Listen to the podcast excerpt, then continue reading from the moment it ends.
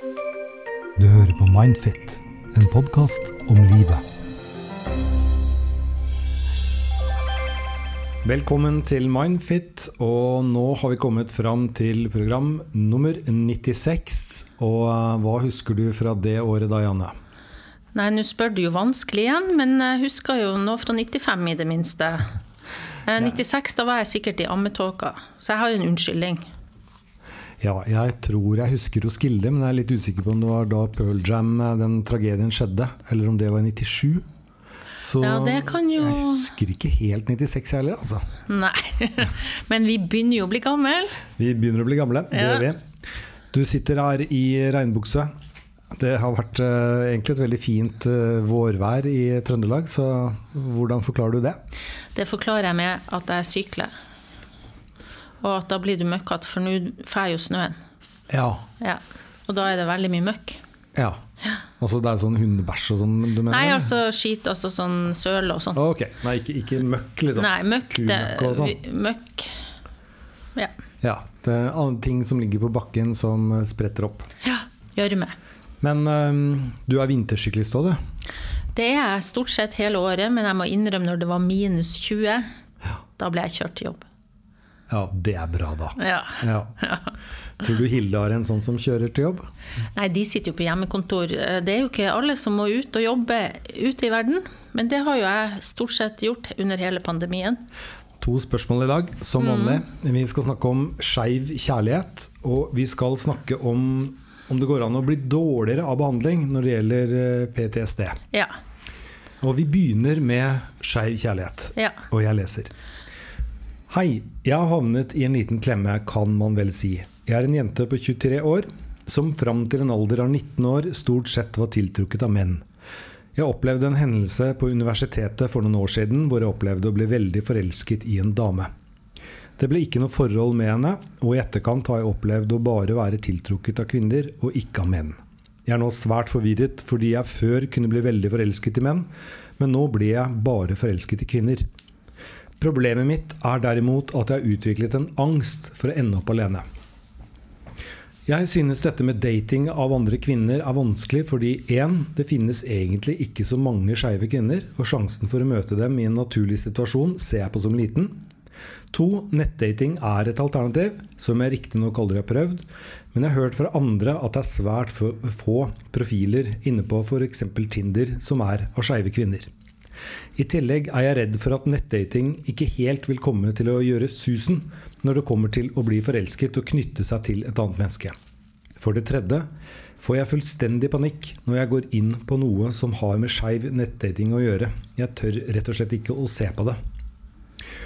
I lys av dette har jeg utviklet en voldsom angst, men også en sorg over det å ende opp alene. Jeg er så redd for det noen ganger at jeg kaster opp, og må av og til ta Sobril for å roe ned følelsene. Jeg oppsøkte en psykolog for litt siden for å kanskje få ryddet litt opp i disse følelsene, men opplevde da at jeg synes det var så vanskelig å snakke om at ikke jeg klarte å fortelle hva det var jeg var redd for, og hvorfor. Jeg har nå to spørsmål. 1. Kan det egentlig kalles å ha angst om det man er redd for, faktisk er realistisk å være redd for, altså at bekymringen er legitim? 2. Hvordan skal jeg klare å komme meg ut av dette? Jeg vil ikke leve med denne angsten, men vet samtidig at eh, det eneste som kunne ha fikset det, var om jeg traff noen som jeg kunne bli kjæreste med. Jeg føler at det som gir meg angst, ikke er at jeg tenker på en problematisk måte, men at de ytre omgivelsene eller min egen situasjon faktisk er litt dyster. PS. Jeg får veldig panikk hvis andre bekrefter at det jeg er redd for, faktisk er noe å være redd for. F.eks. om dere nå sier at ja, det er jo ikke så lett dette her å være skeiv, så kan jeg bli veldig redd. Jeg lurer derfor på om det er mulig at dere kanskje kan tråkke litt forsiktig rundt dette og snakke om realitetene for å ende opp alene i min situasjon. Jeg håper virkelig dere kan svare. Ja. Eh, jeg, tenker at eh, jo, spørsmål igjen. Eh, det her med at om en kan egentlig kalles å ha angst om det man er redd for, er redd for faktisk er en realitet eller realistisk å være redd for. Og da må jeg jo si at det, det er mange som bekymrer seg for ting som kan skje. Uh, og det blir en form for bekymringsangst. Og vi har jo snakka om det før. Altså, det er en annen type angst. Det er ikke sånn type panikkangst. Men når disse bekymringene tar veldig overhånd og tar veldig stor plass, så blir jo mange urolige av det og kan få angst av det, selv om det de i utgangspunktet er redd for, faktisk kan skje. Altså det er folk som går til meg som er redd for når det er glatt ute, at kjæresten deres skal bli påkjørt eller få en istapp i hodet, og det kan jo skje. Eh, så det er en del ting vi er redd for som kan skje, men som hos eh, folk som begynner å få angst for det, så tar det veldig stor plass, da. Eh, så jeg mener jo faktisk at en kan jobbe med å få disse, denne kverninga rundt sånne tanker til å dempe seg, da. Så det vil jeg nå si at for denne innsenderen, kanskje det her med å bli, være redd for å ende opp alene Altså, hun, her var det ei hun må jo spørre seg sjøl om uh, hvor stor plass tar det i hverdagen. ikke sant? Er det en sånn type tanke hun sjekker innom veldig ofte? For jeg tenker da høres det jo ikke så rart ut at en også kan bli uh, engstelig, urolig, fordi det er jo en dyster tanke. Uh, men hvor realistisk den er Hun virker veldig sånn. Den er realistisk, men jeg tenker den kan utfordres. Uh, ja, nå lekmannen som jeg er da, ja. uh, tenker jeg om det kanskje har noe å gjøre med at jeg har jobbet i, i mange forskjellige konstellasjoner med veldig mange lesbiske. Ja. Uh, og jeg aner er ikke alle hvor, alene? Hvor, nei, de er jo ikke det. Altså, poenget mitt det er to ting. Det ene er jo Frykten for alene har ikke å gjøre noe med hvilket kjønn du er tiltrukket av. Nei, det er sant, Den frykten å være alene kommer fra at man ikke våger å treffe folk av det kjønnet man er tiltrukket av. Og det fins et hav av lesbiske eh, der ute. Eh, det gjelder bare å finne dem på et, et, vis. Og det kan virke som om innsenderen har litt skam for sin egen seksualitet, og det er veldig trist å, å, å lese, og det er i hvert fall ikke noe å ha skam for i det hele tatt. Det er med 50 røde streker under. Ja.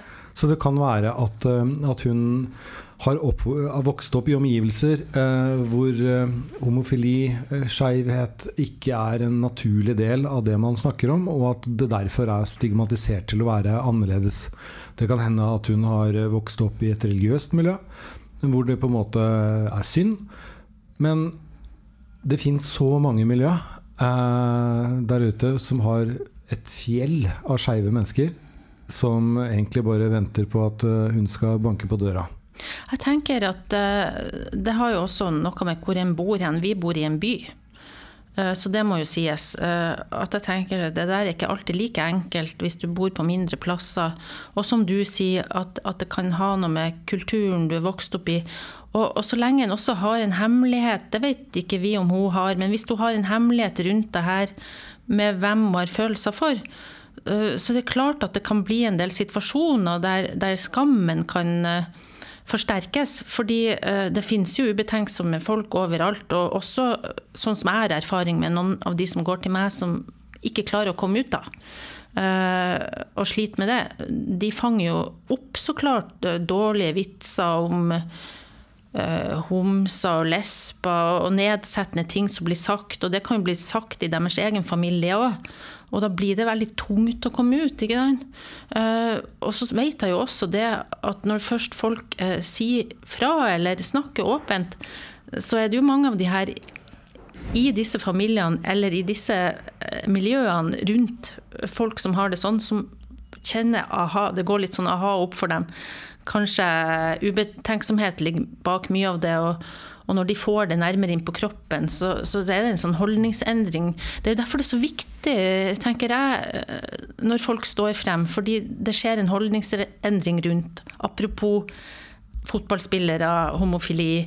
Eh, vi trenger rollemodeller. Eh, og mange av de her rollemodellene eh, har jo snakka om at for noen av dem har det vært krevende, men her er det et mangfold.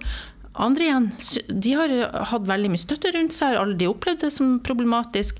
Jeg mener å huske og Steng har snakka om eh, hvilken fin familie hun har, og at for henne var det en naturlig prosess. Ingenting som var skambelagt eller krevende.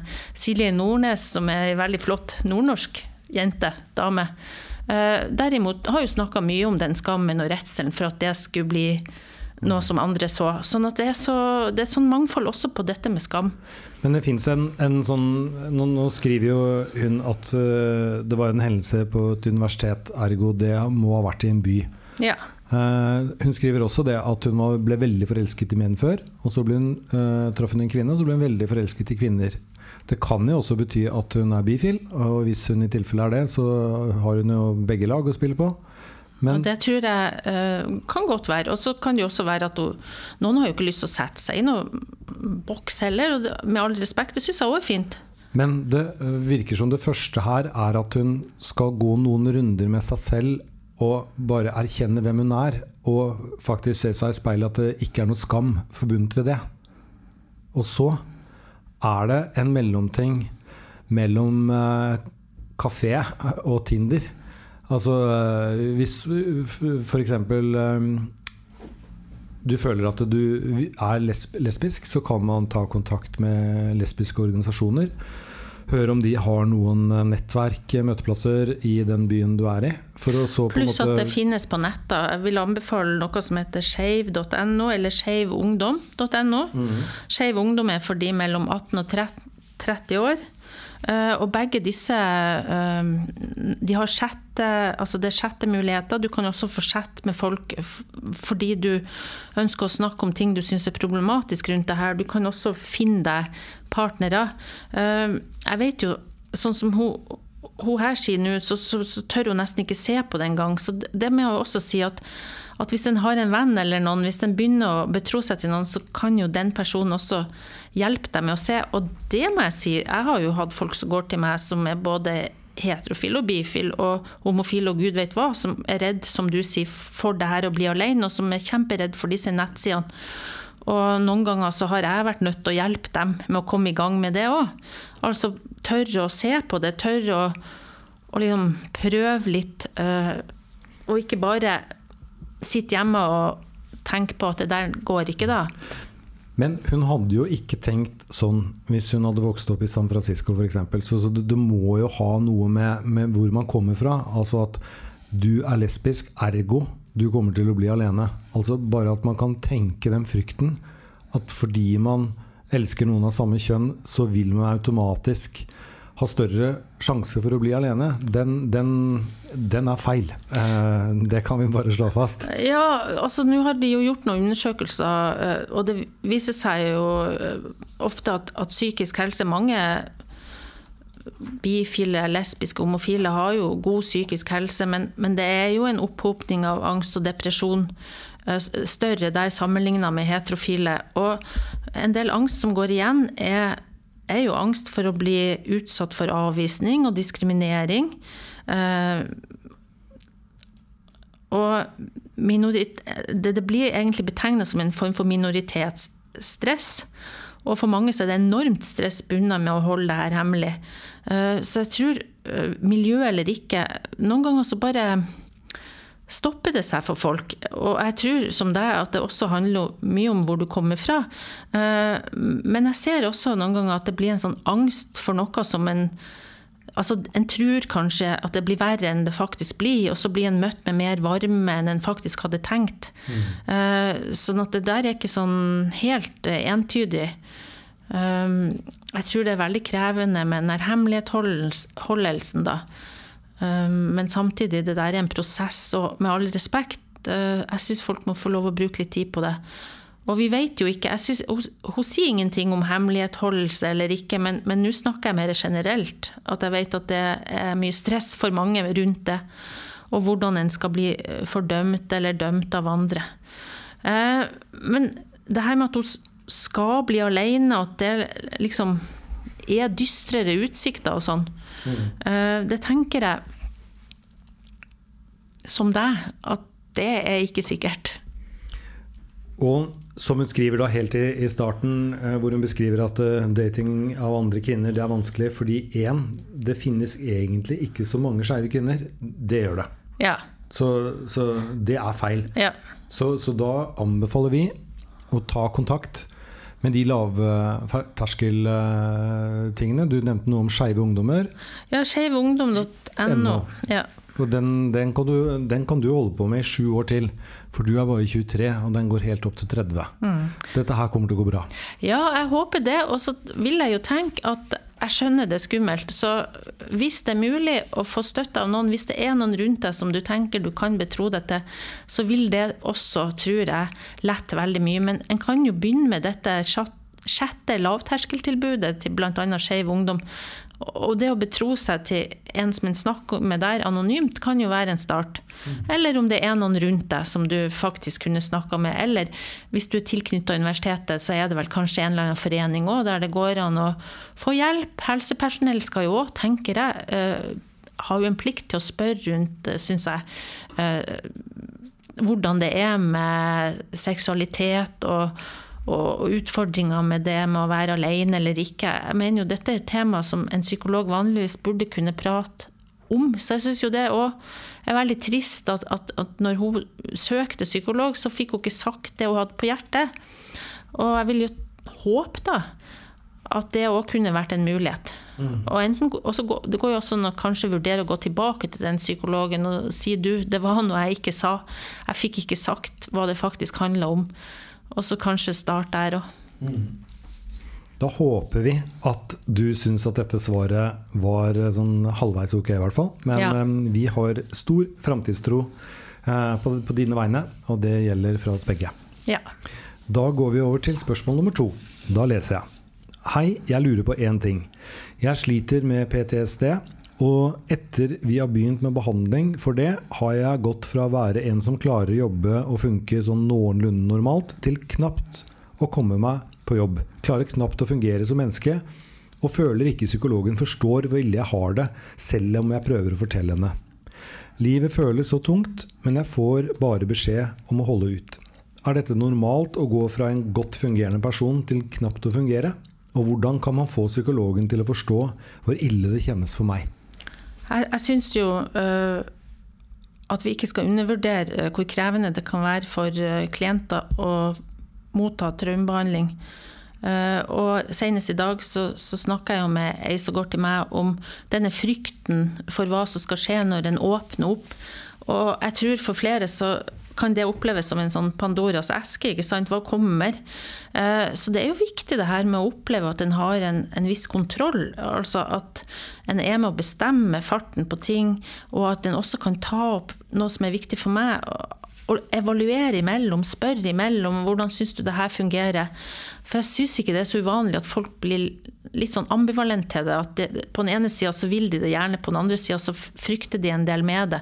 Kanskje at de skal bli i dårligere form, blant annet. Eller som her, at en opplever at en er i dårligere form. Og så samtidig vil jeg si at, uh, som en trøst, da, at uh, min erfaring er jo at kanskje det er en periode, og så går det bedre. Mm. Og at det er noe av det en kan være forberedt på når en går inn i traumebehandling, at i en periode kanskje det vil kjennes verre ut før det blir bedre. Og det er også noe en burde snakka litt om i forkant. Eh, for noen så er det, har jeg tenkt i det siste, veldig viktig å kanskje ta denne traumebehandlinga litt bolkvis. At her er folk forskjellige. Noen kan komme til meg ukentlig og jobbe med det. Andre igjen kanskje mer intensivt en periode, og så ta pause fra det. Eh, og igjen hele tida en, en, form for dialog vi må ha rundt hvilken kontrakt vi skal ha. Fordi en snakker jo om når det gjelder sånne typer reaksjoner, at en, en må prøve å holde seg sånn noenlunde, noenlunde innenfor et toleransevindu. Og det betyr at det er viktig at en ikke blir så aktivert at, at en går over i full angst. ikke sant? Og da, da er det jo ingen form for bearbeiding som skjer. Da er det jo bare panikk.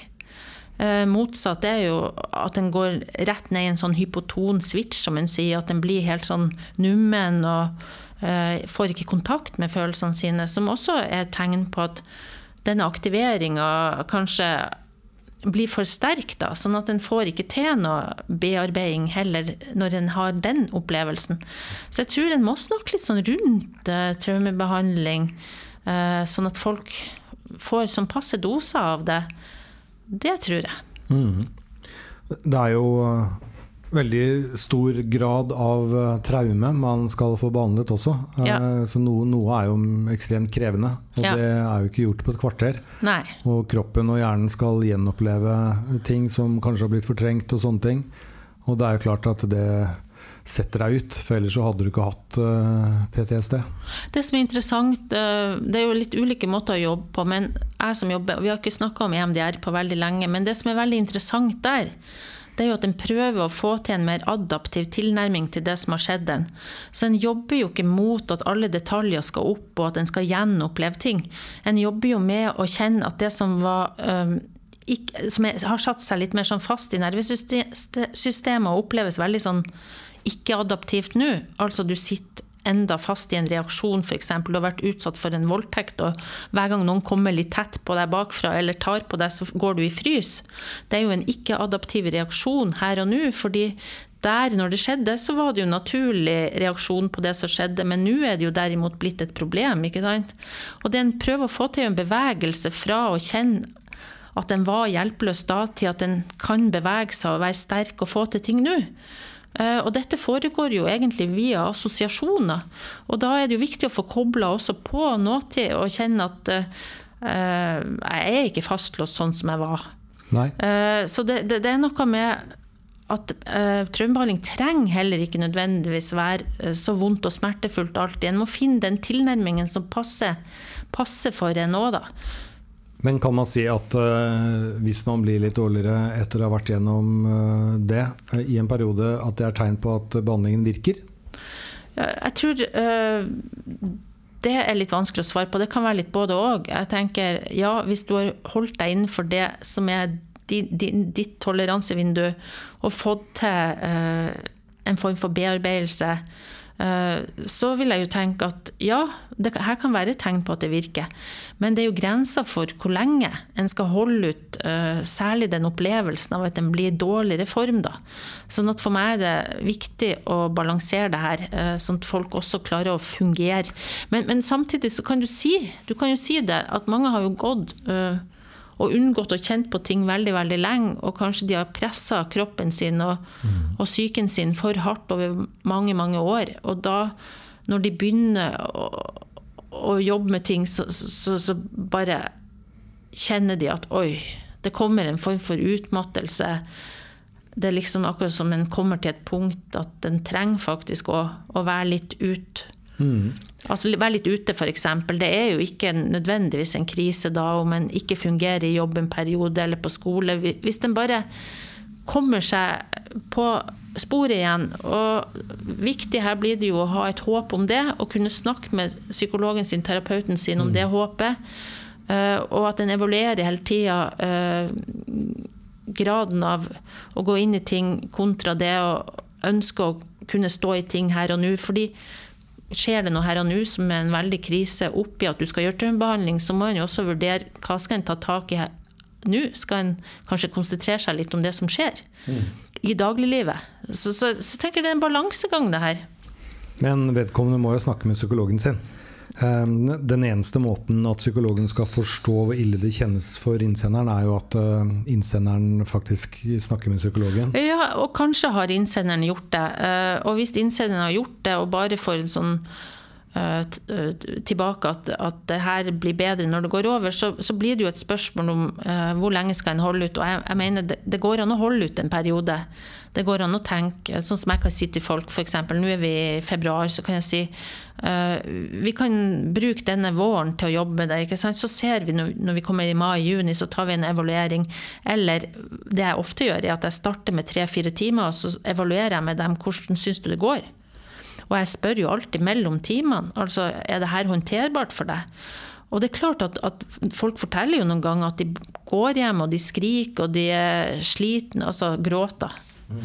Og de er sliten, og kanskje de må sjukmeldes en periode.